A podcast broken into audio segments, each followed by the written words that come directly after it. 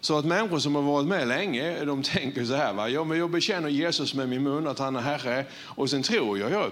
Och det tror jag att du tror också. Jag tror att du tror i ditt hjärta att han är Guds son och han är uppstånden.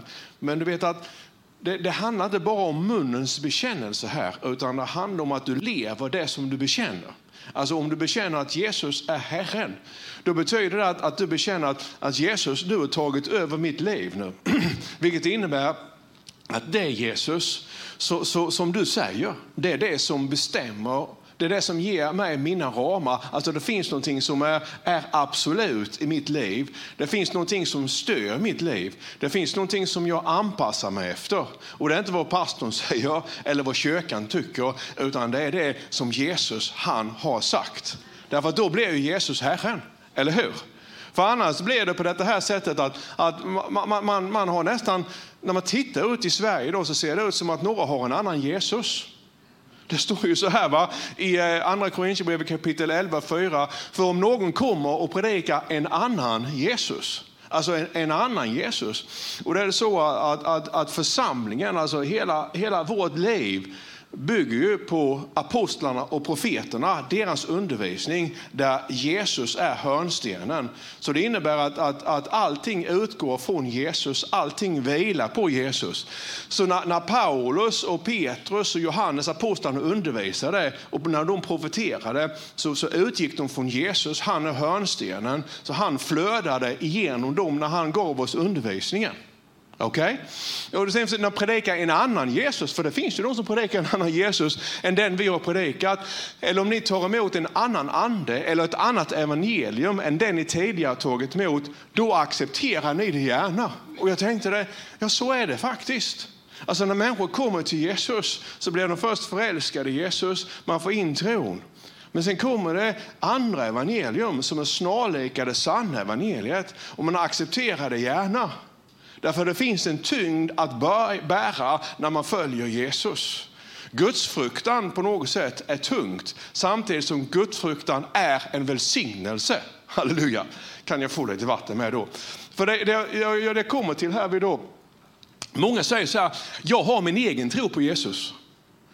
Ja, säger Jesus till dig, jag har också min egen tro. Och problemet när man säger att jag har min egen tro, det är att några av er som tittar nu, du kanske inte varit i en kyrka tidigare och det är jättebra att du har din egen tro på Jesus. Men det som är viktigt här nu när du har din egen tro på Jesus, det är att du måste se så att din egen tro på Jesus stämmer överens med Jesus tro. För annars hjälper det inte. Jag hör ju det i så många människor Idag så säger man jag har min egen tro på Jesus Tommy. Ja, det är bra att ha din egen tro på Jesus. Problemet är bara att din tro på Jesus stämmer inte överens med det som Jesus undervisade. Vilket innebär att, att du, du, du, du kanske tror på Jesus i ditt hjärta. Men, men sen så har du liksom byggt din egen teologi. Och det kan faktiskt vara så att den teologin får en konsekvens den dagen du får möta Jesus. Det visar sig att det räcker inte ända fram. Du lever för målet, men när du väl når slutdestinationen, då går du inte upp utan du går ner. Är du med mig? Alltså jag har min egen tro på Jesus. Jag behöver inte gå i kyrkan Tommy på söndagarna. Det är konstigt för att Jesus han säger genom sina apostlar, försumma inte era sammankomster. Jag har min egen tro på Jesus Tommy. Jag behöver inte förlåta, behöver du inte. Men Jesus han har ju sagt att, att om du inte förlåter så är dörren stängd. Alltså jag, jag har min egen tro på Jesus. Jag, Tommy, jag har min egen tro på Jesus. Jag kan göra lite annorlunda. Och du vet att det, det växer fram idag nya rörelser. Och jag läste precis nu om generation Z. Vet vilka de är? Det är de som är födda liksom efter millennium, alltså efter år 2000. Och de, de lär sig att ifrågasätta allt. Jag träffade en lärare nu och de berättade för mig, liksom, så här knattarna, två, tre år, de, de lär sig från början, de ska ifrågasätta allt. De ifrågasätter till och med, de lär sig ifrågasätta om de är pojkar eller flickor. Alltså det är ju ingenting som man behöver ifrågasätta, det är bara att dra ner byxorna och titta. Eller hur? Ja, men svårare är det ju inte så. va? Alltså, jag fattar inte det. Man, man, man forskar om det här på universitetet. Det kostar extremt mycket pengar. Jag, jag, tänker det liksom, ja, alltså, varför forskar man om detta här? Det är bara att dra ner byxorna och titta. Vi behöver inte lägga forskningspengar på hur man ser om en pojke en pojke, en flicka en flicka. Alltså, det fattar jag när jag var fyra år. Sen vill jag inte gå vidare vad jag gjorde med det, men är ni här idag? Alltså det, det, här fattar man ju ganska så snabbt. Men, men sen är det så här med generation Z då att, att de tycker ju att eh, Jesus, man, man, tror på Jesus och det här kommer lite grann nu. Men eh, Buddha menar man att, eh, ja men Buddha han var ju 500 år före Jesus, det var ju Gud det också.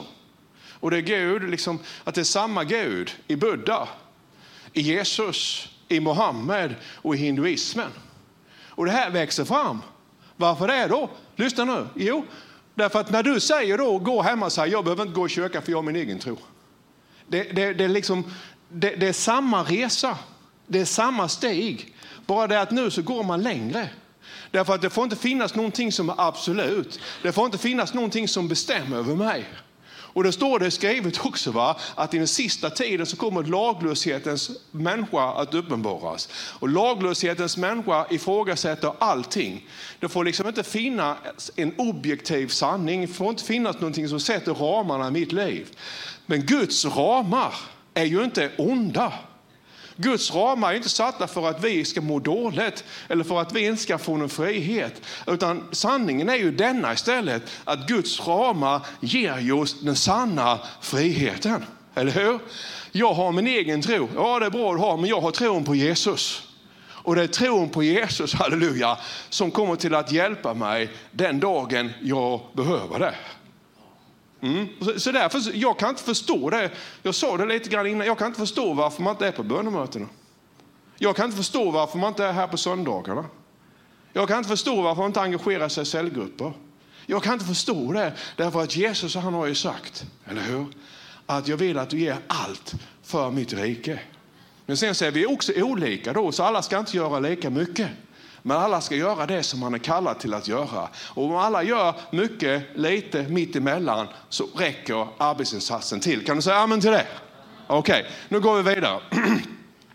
En oladdad mobil kan inte ta emot samtal. Kan du säga det till din granne?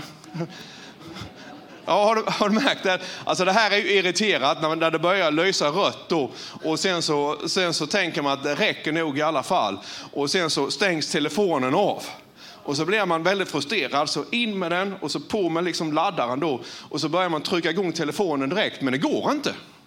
Därför att när batteriet tar helt slut, då behöver telefonen några minuter då för att ja, ha den här grundladdningen först innan man kan få igång den här telefonen. Och då är man ju i köttet som vi säger riktigt ordentligt innan telefonen startar. Och så har ni aldrig varit, för jag är bland massmänniskor här nu. Jag har kommit in i frikyrkan, jag gör ju aldrig några fel. Har ni varit med om det någon gång? Ja. Och då, då, står det så här, va? Jag, jag, är på väg någonstans, jag ska berätta varför jag berättar detta strax. Då skall himmelriket bli, alltså Jesus han, han ger oss liknelserna. Och varför ger han oss liknelserna? Jo, liknelserna ger han oss för att vi ska förklara någonting som vi inte kan förstå så att vi kan fatta det. Alltså bakom liknelser så finns det en himmelsk princip. Alltså det, det, finns en andlig princip som du och jag med vårt mänskliga förstånd inte kan förstå. Han kan alltså inte ge oss eh, alltså den, den, fulla bilden. Han kan inte ge oss den tekniska beskrivningen. Så därför ger han oss en sådan liknelse så vi kan förstå innebörden, poängen i det som han vill säga. Är du med på det? Det är därför som han säger, då ska himmel, hur blir det med himmelriket? Hur blir det när jag kommer med min värld, när jag kommer med mitt rike? Som när tio jungfrur gick ut och tog sina lampor och gick ut för att möta brudgummen. Fem av dem var oförståndiga och fem var kloka. De oförståndiga tog sina lampor men tog inte med sig någon olja, medan de kloka tog olja i kärlen tillsammans med sina lampor. Och när brudgummen dröjde så blev de alla dåsiga och somnade. Ja, så, så är det ibland. Har du varit med om det att du sitter och du ska be och du vill närma dig Jesus och somnar du istället? Har du, jag har gjort det många gånger. Så är det det du gör på bönemötena på onsdagskvällarna? Nej, det är det inte. Men, men, det var ju så här att förr i tiden så, så vi pastorer vi träffades eh, en gång i månaden i Blekinge. Och då var det bibelstudium, alltså på Bibeln, på morgonen då vi läste Bibeln tillsammans. Och sen var det ju världens middag då. Eh, eh, damerna i församlingarna, de som var dagledare, de hade samlats och det var ju alltid någon gratäng och sen var det världens efterrätt. Och sen på eftermiddagen då så skulle vi ha bön. Och på den tiden så låg man på knäna och så lutade man sig över stolen. Och man kunde nästan höra liksom på stolarna, de slocknade en efter en. Och det var ju inte bön man hörde, de låg ju nästan och snackade istället. Därför att då steg ju blodsockret i kroppen. Det var ingen som kan hjälpa det. Eller hur? Men, men, i alla fall, de somnade. Och vi kan inte ha somniga kyrkor, eller hur? Så är det va. Men, men i, i den här läktelsen så finns det en annan grej då. Därför att när de skulle gå ut och möta honom, då, då gjorde de i ordning sina lampor.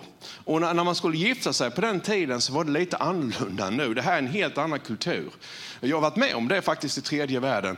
Alltså äktenskapet det görs ju upp mellan familjer. Och jag kommer ihåg en indisk kille, då, han, det tog ju åtta år innan han, liksom själva, själva eh, äktenskapet ägde rum.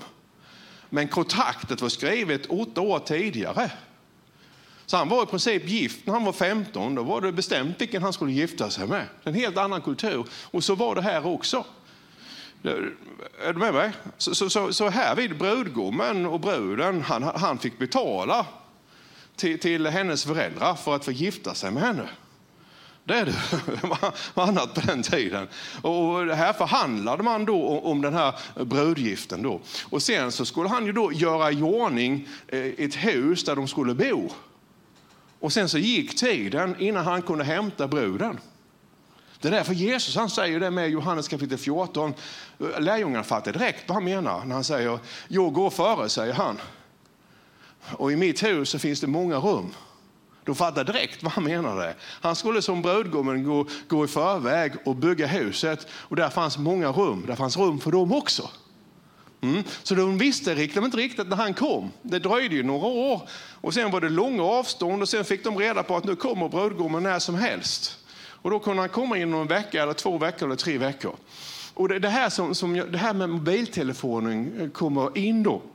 Alltså, alltså, om det var på det sättet att, att det hade varit nu så hade Jesus han sagt, haft samma liknelse, så han har sagt att de här tjejerna de väntade på att jag skulle komma tillbaka.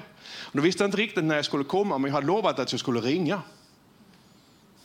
Mm. Eller som min farfar då, för 50-60 år sedan. Det var alltid viktigt med ficklampa på den tiden. Därför att han hade utedass, han bodde i skogarna kring Trolle Så om han vaknade på natten då han behövde, så gällde det att ha en ficklampa. Men han skulle ju aldrig, och han pratade alltid om sina ficklampor. Jag har fått en bra lampa nu Tommy, sa han. Jag fattade inte varför det var så viktigt med ficklampa. Men det är viktigt med ficklampa om du bor mitt i skogen på natten och du ska gå på toaletten och den är ute. Ja, men han skulle aldrig få för sig att gå iväg med ficklampan utan att ha batteri i ficklampan. Du vet, alltså när Jesus berättar den här liknelsen då, så berättar han om oljelampan, om veken. Och så sa han, och sen han säger att fem av dem de hade lite olja med sig, för du behöver olja för att kunna tända lampan. Men fem av dem hade ingen olja.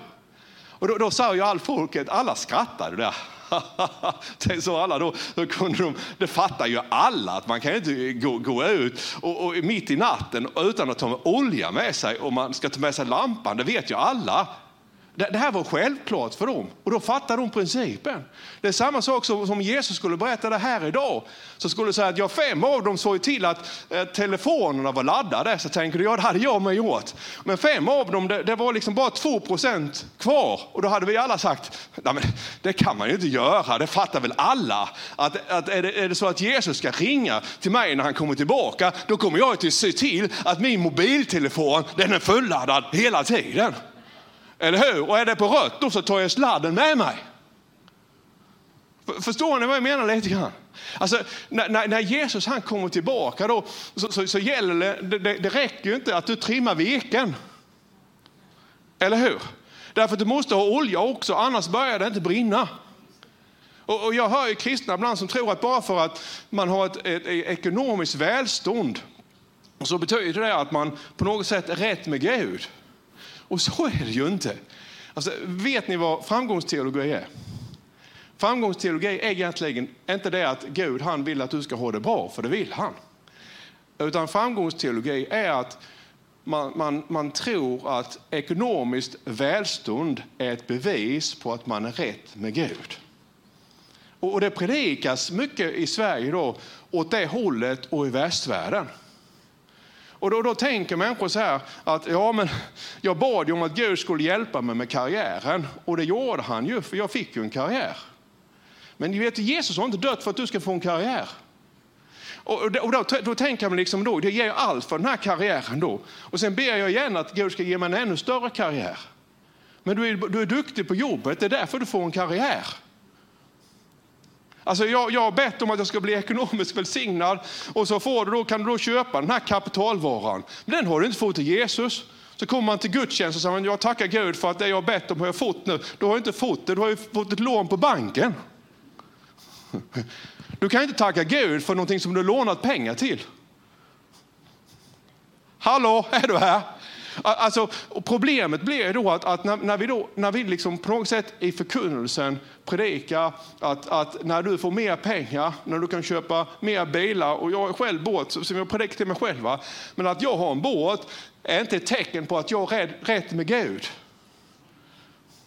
Shejken i Dubai, han har en gigantisk båt. Han tror inte ens på Jesus. Alltså, vi, vi får inte blanda ihop korten här vid. För då tänker människor så här att, att, att, då blir det så här att då tänker man, jaha, men då, då, då är jag rätt med Gud. Nu gäller det verkligen att jag åker båt, här vi för båt, jag har fått av Gud. Så då struntar jag i gudstjänsterna, i bönemötena, för nu har jag fått en båt. Och båten har jag fått från Gud. Eller hur? Men, men så är det ju inte. Alla människor i Sverige som har en båt har inte fått båten av Gud. Alltså, alltså Jesus har inte dött för pengar. Jesus har inte dött för att du ska få ett nytt kylskåp eller ett fint hus. Jesus har dött för att frälsa din själ ifrån döden dö. Alltså Jesus har dött för att du och jag ska få evigt liv. Jesus har dött för att du och jag ska bli döpta i den helige ande. Och Jesus har dött för att vi den dagen när den kommer ska gå in i evigheten och alltid leva med honom. När vi sen lever med Jesus så har han tagit fattigdom, så han, han vill hjälpa dig så du har det bra. Men det är inte det han har dött för. Och att du har det bra ekonomiskt och välsignat, det är inget tecken på att Gud är med dig. Det är bara en enda stor bedrägelse i så fall. För tecknet är vad du och jag gör för andra människor. Kan du se detta nu? Ja, får jag nästa slide här då. Är, är det okej okay att du predikar detta? Ja, för Jesus predikade åt det här hållet. Så, va? Alltså, när det är för sent så är det för sent. Då står det så här, va? gå istället till dem som säljer och köp, säger de då. Va? Alltså, att de, de hade ju slut på, på strömmen på sin telefon. Och nu ringer Jesus. Och i och med att de inte kan ta emot samtalet så vet de inte var han är. Och så säger de till dig, då får du låna din sladd. Säger de, nej min sladd får du inte låna, för den kan jag behöva själv. Du får gå och köpa en egen sladd till din telefon. Så har vi det hemma alltså. alltså Karin är absolut förbjuden att ta min sladd. För tar hon min sladd, ska jag tala om för dig, då, då är den försvunnen. Så hon, hon, har en sladd och det är nagellack på den och det är hennes och den får hon använda och ingen annan sladd. Jag har några sladdar med hemligt som jag inte berättat för henne för då försvinner de också. Hon får inte röra mina sladdar. Så är det, Förstår ni vad jag menar nu? För då kanske jag står där och kan inte jag starta min telefon därför att eh, hon tagit min sladd. Så är det. Det är ordning och reda här. Osten ska stå till vänster och smöret till höger. Ja. Men i alla fall, det här är ju allvarligt. För att när det är för sent så är det för sent. Alltså om Jesus ringer och du inte har ström på telefonen. När det är för sent så är det för sent. Då hinner du inte ladda telefonen. Det är därför som Jesus han säger, då ska himmelriket bli så. Alltså han säger, då ska himmelriket bli så. Alltså han har några grejer här, jag ska inte gå igenom dem så djupt, bara kort. Va? När han talar om oljan så handlar det om att, att leva i Guds närvaro. Att känna hans röst. Jag undervisade om det här vid och några av er har inte ens lyssnat på den undervisningen. Därför att Jesus han säger att ni måste förbli i mig. Och säger du, hur förblir man då Jesus? Jag har en hel undervisning om det och Karin var med på den. Den finns så du kan lyssna på den nu efteråt. Upptäck din potential. Där vi berättar hur du kan leva för att du förblir i Jesus. Så att du hör hans röst. För å ena sidan så kom han som en tjuv och bryter sig in. Sen kan det också vara att han kommer på det sättet att du slutar andas om fem minuter och då är du över. Och då måste du liksom leva i detta här. Så att, så att du har olja på din lampa så du kan höra hans röst. Men det är också så att han talar om pundet. Åt var och en efter hans förmåga. Alltså det som du ska göra, det som, som du ska multiplicera Guds rike. För Jesus han säger så här är det med Guds rike. Att någon fick ett pund, en fick två och en fick fem. Va? Alltså åt var och en efter dennes förmåga. Alla har någonting som vi ska göra i Guds rike. Och vi ska inte, som jag varit, med att jag har båt så kan jag predika till mig själv. Det handlar inte om att åka båt. Utan om Jesus han säger någonting annat så får båten stå hela sommaren. Förstår ni vad jag menar? Utan det är någonting som du ska göra som handlar om församlingen. Men jag har min tro. Och du får ha din tro. Men han, Jesu tro handlar om församlingen. Och församlingen är vi tillsammans. Och funkar det inte i folkkyrkan så finns, funkar det någon annanstans. Men församlingen är vi. Så du har någonting som du ska göra. Och det är det som är poängen här, va? att när Jesus kommer tillbaka, då är det för sent att börja göra det som du ska göra. Det var som någon sa till mig hela tiden, eller flera har sagt till mig, Tommy, när jag blev pensionerad, då ska jag verkligen börja bygga Guds rike. När jag blir pensionerad, då ska jag hjälpa till med missionen. När jag blir pensionerad ska jag göra det. Alltså grejen är att så länge de jobbade så kom de i alla fall på söndagsgudstjänsterna emellanåt. När de blir pensionerade så ser jag dem inte överhuvudtaget. Och, och, och, alltså, den dagen du somnar in då, då är det för sent att börja göra någonting. För du kan inte komma tillbaka in i livet igen. Då är det kört. Och så säger Jesus, alltså de allra minsta, att se Jesus i andra människor. Jesus han undervisar ju om, om den, den, stora vita tronen och om domen. Han undervisar om getter och om får. Eller hur? Och så säger några av dessa människor, men Jesus vi såg ju aldrig dig. Alltså jag, dessa här afghanerna som kom, inte visste jag att du var en av de afghanerna. Eller hon, där hon var ju bara, alltså hon var ju så, hon var ju så, hon hade alltid fel kläder. Men menar du verkligen att jag skulle bjuda hem henne på middag som alla andra tyckte var en knäppskalle? Alltså men, men de där borta, menar du verkligen att jag skulle bry mig om? Men det, jag var inte du, säger Jesus. Det som du gjort alla dessa, de minsta, har du också gjort mot mig. Och, och, samtidigt säger han då, de som har en tjänarkallelse då, han, säger, han talar om tjänarna som är satta att leda andra tjänare, alltså ledare. Så säger han salig, alltså välsignade är de som gör det de ska när jag kommer tillbaka. Så, så därför så, jag vågar inte sluta som pastor. Det finns en gudsfruktan i alltihop det här. För Jesus han har sagt, Tommy, jag har kallat dig till ledare. Och jag förväntar mig att du gör det du ska. Så det innebär att jag får hålla på och leda tills den dagen jag trillar av pinnen eller Jesus kommer tillbaka. Så säger jag, ska vi behöva dras med dig så länge Tommy? Nej men Gud han har säkert några andra människor som jag får leda i så fall. Va? Jag kommer upp här, vid, liksom här vid, om 40 år. Så säger jag, har Jesus har inte kommit än. Men jag tänker inte ge mig, det ska ni ha klart för er. Så, va? Men så, så är det ju inte. Jag, jag får säkert en annan ledaruppgift av Herren då. Och Karin kom efter, liksom, nu är han på gång igen. Kom nu tillbaka Tommy, du får inte predika mer nu. Du slutar aldrig. Därför att det är ju så att ju äldre man blir desto längre predikar man. Ja, men den, den, är ni här idag? Alltså, det finns en poäng i det här, det finns ett djupt allvar. Jag försöker blanda upp det lite grann för det inte ska bli för tungt. Va? Men det Jesus han säger att, att när jag kommer tillbaka, eller när du har somnat in, då är det för sent att gå in i den ledarkallelse som du har haft. Eller hur? När du har somnat in eller när jag kommer tillbaka, då är det för sent att börja göra någonting för alla dessa, de allra minsta. När, när du somnar in eller när jag kommer tillbaka, då är det för sent att förvalta pundet som du hade och som du låste in. Alltså när jag, när jag kommer tillbaka, då är det för sent och börja söka den heliga Andens ledning. För den heliga Andens ledning, det är därför som det är så viktigt att ha olja på lampan. Va? Jag ser ju frikyrkokristna i Sverige, de har lampa och de har veka men de har ingen olja. Eller hur? De vet hur man lyfter händerna, de vet hur man säger amen. Men du vet att Guds rike handlar ju inte om att man inte får röka eller dricka eller, eller sådana här saker. Är, är ni med mig? Alltså Guds rike handlar om människor. Det handlar om, om själar. Det handlar om vi, vad vi gör för andra människor. Och platsen är i församlingen. Men Tommy, jag har min egen tro. Ja, det är mycket möjligt att du har din egen tro. Det är därför jag har predikat det här idag. Jag vill att du ska ta din egna tro och spegla den i Matteus kapitel 24 och Matteus kapitel 25 som jag har predikat här nu och se om du håller måttet. Kanske är det på det sättet att du väger för lätt.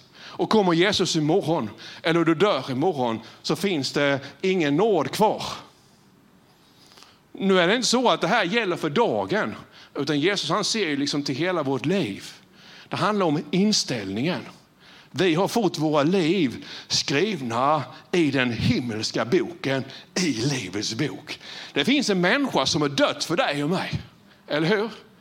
Alltså Gud själv kom in i världen och han gav sitt liv för oss för att vi ska leva för honom. Han har en tro, han har en väg. Men jag har min egen tro. Ja, det är därför du måste gå in genom den smala porten. För när du går in genom den smala porten, då ramlar din egen tro bort. Och vad vi behöver i Sverige idag, vi behöver människor som säger Jesus dog för mig. Nu ger jag mitt liv till dig.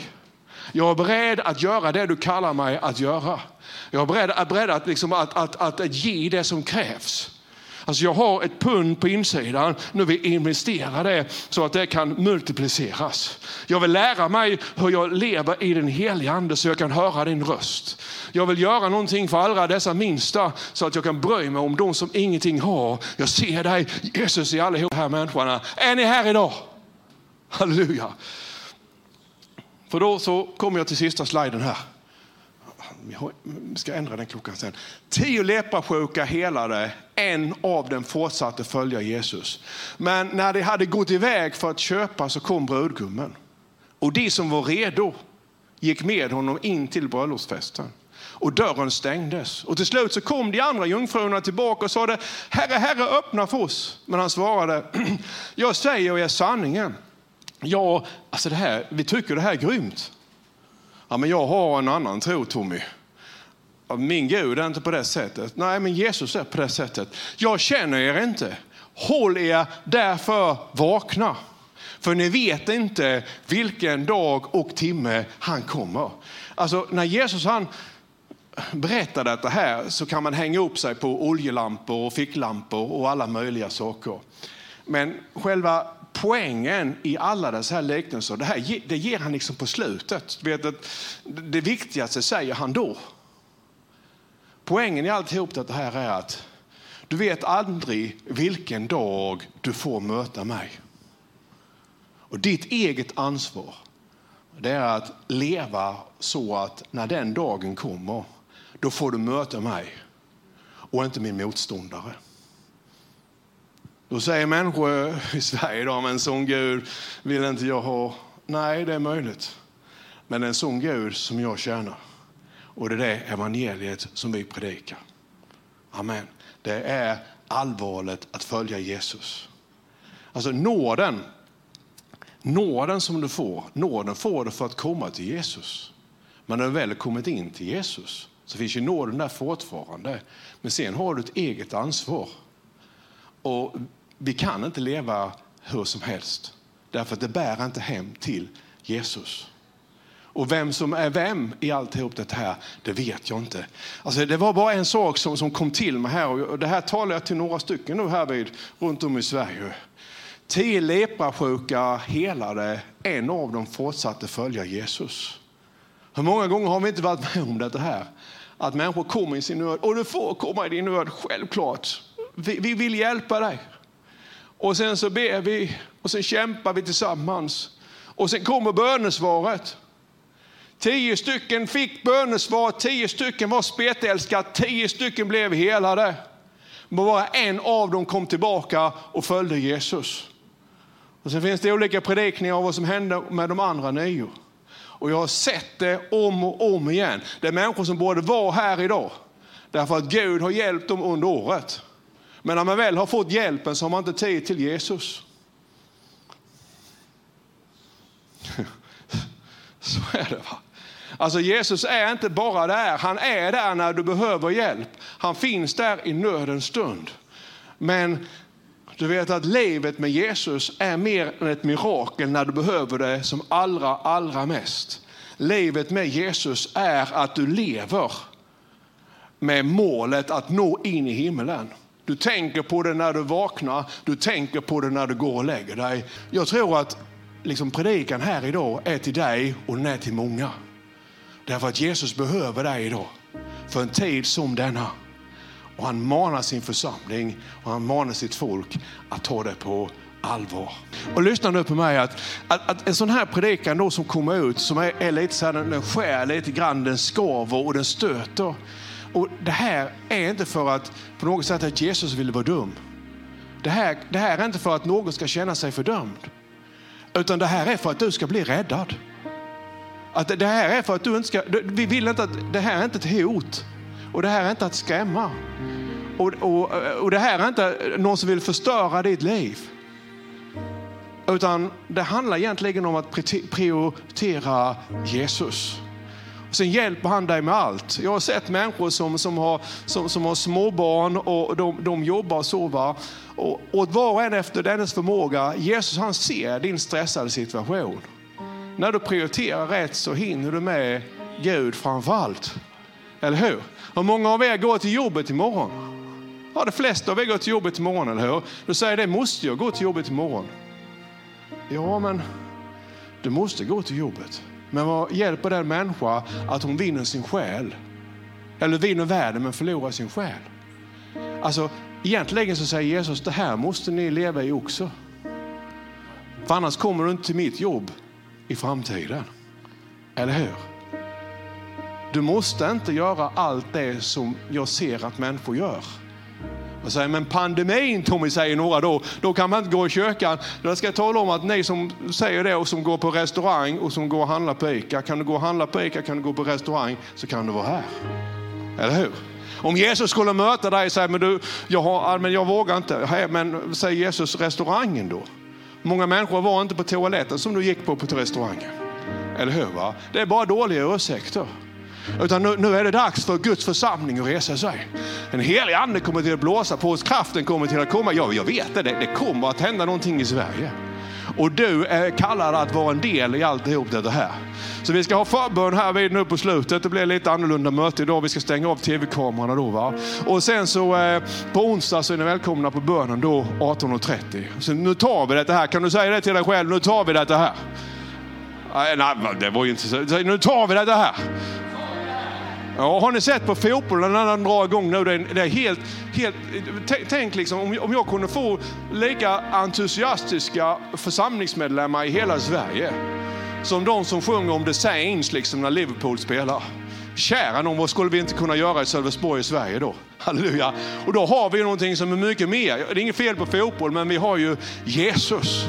Vi, vi, vi, vi, får, vi kan känna Gud i rummet. Jag kan känna Gud när jag talar här nu. Jag kan känna honom på insidan av mig. Det ska jag tala om för dig att de som sjunger till Liverpool, jag skulle gärna vilja vara med och sjunga där också.